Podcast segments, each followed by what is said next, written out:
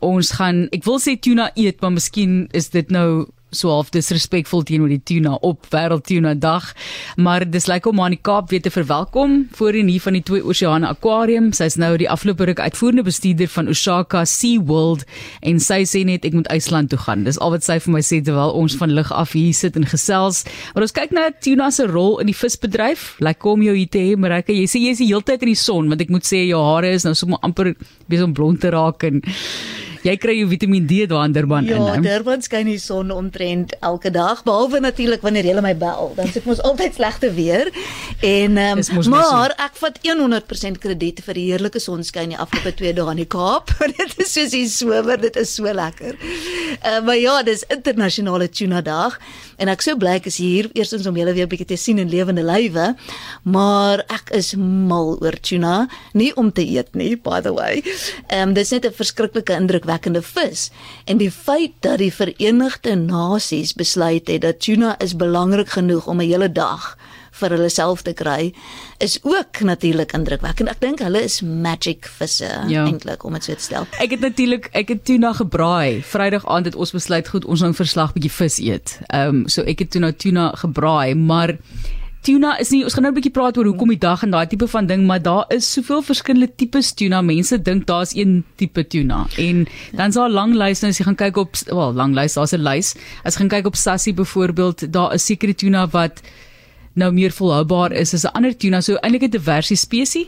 Korrek, so daar's meer as 10 verskillende spesies, maar die meeste kommersiële spesies wat ons sal ken en wat jy sal koop byvoorbeeld, gaan die skipjacks wees, hulle is 'n kleiner spesies, daar's die geelvin wat baie bekend is. Daar's die groot oog tuna, daar's die albacore. So dis die mees bekende kommersiële spesies en natuurlik is daar hierdie wonderlike blouvin tuna en hulle is reusagtig groot. Maar as ek nou terugdink toe ek 'n kind was, het ek aangeneem met tuna is ietsie klein, soos 'n ansjovisie want jy kry dit in 'n blikkie nie. Ja, presies. En die eerste keer toe sien toe ek 'n geel fin tuna sien, toe is die die vis baie groter as ek en ek kon dit nie glo nie. Dit was net ongelooflik. So tuna dag is juis om bewustheid ehm um, weet te verhoog oor hierdie spesies, hierdie ongelooflike vis, die feit dat omtrent 33% van die kommersiële vissery is nie volhoubaar nie. Ehm um, en dat mense net bietjie meer bewus is, jy weet wat gaan aan in die see en daar is baie lande en nasies wat afhanklik is van tuna vir voedselsekuriteit natuurlik, maar ook ehm um, as 'n ekonomiese ontwikkeling en kultuur. Jy weet ja. ek kan ten minste 'n uur praat oor Japan en tuna. Ons kan bietjie daarby uitkom later. Ja. So dis regtig net 'n dag om tuna te vier en, en ja, in Suid-Afrika, daar is 'n kommersiële vissery en die paalvang metode is sassie groen. So mense kan dit eet. Die langlyn wat nou diepsee langlyn is op oranje want ons baie byvangs.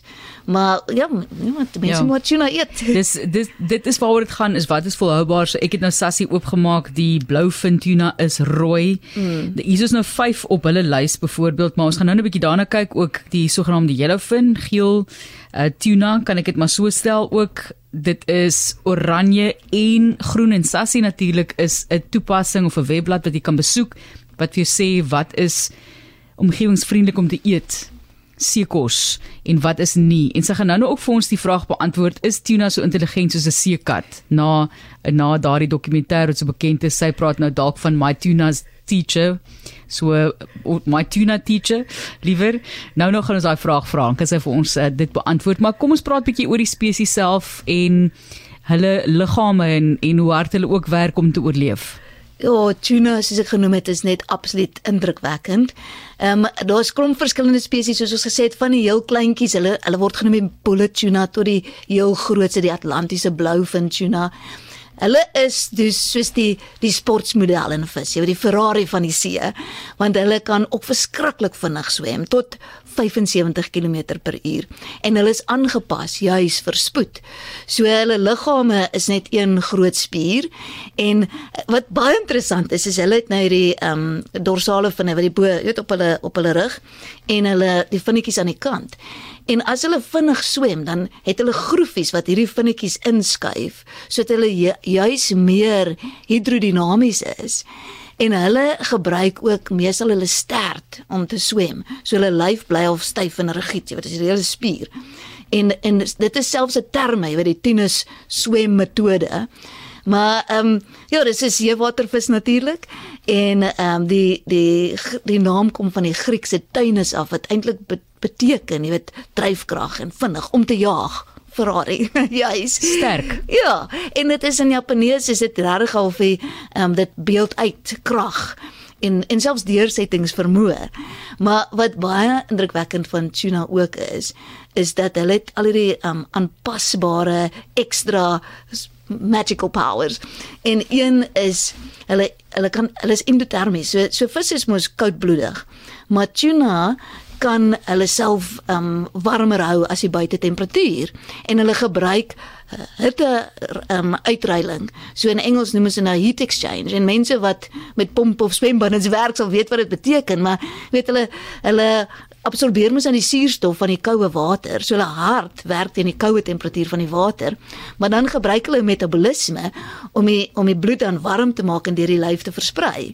Sure. So dit is net ongelooflik hoe aanpasbaar hulle is en hulle jy's nou ook weet hulle hulle vleisies is mos nou donkerder want hulle kan baie meer suurstof absorbeer in hulle bloed. Hulle het en nie hemoglobien en hulle myoglobien.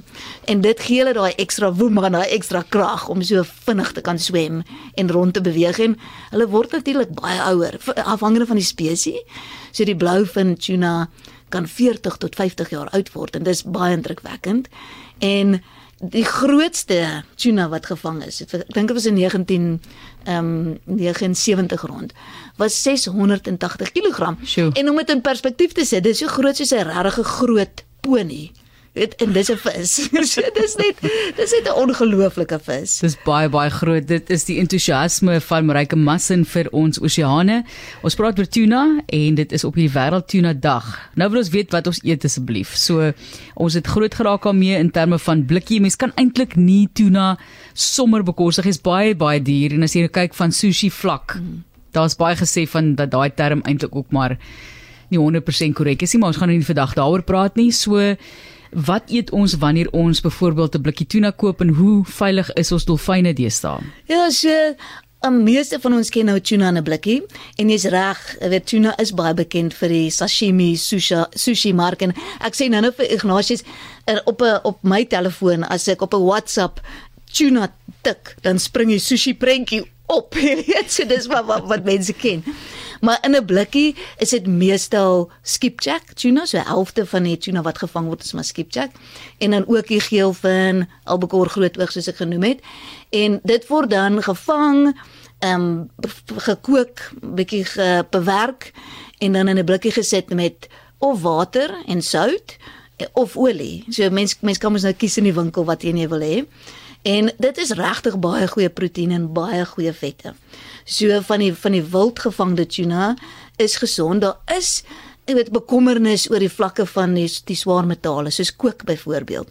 Maar wat hulle gesien het nou al in byvoorbeeld akwakultuur is dat hoe hoër die die vetvlakke is en dit is baie goeie vet, dis vette wat mense nodig het. Hoe laer is daai swaar metaalvlakke? So dit word baie goed ehm um, nagevors en na gekyk natuurlik. Ehm um, so 'n blikkie tuna, uh, soos ek sê, ek het dit self nie, maar dit is baie gesond en eintlik die bekendste of die mees geëte slaai en toebroodjies in die wêreld is tuna.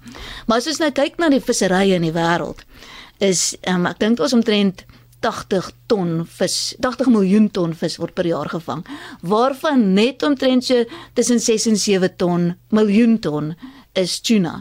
So is omtrent 8% van die totale vangs in die wêreld. Sure. Maar dis meer as 20% van die waarde. So dit is die mees waardevolste vis van 'n van 'n geldperspektief. En die duurste vis ooit in die hele wye wêreld was in op die Tokyo mark nou onlangs vir 'n 280 gram tuna wat verkoop is teen 3.1 miljoen dollar, Amerikaanse dollars.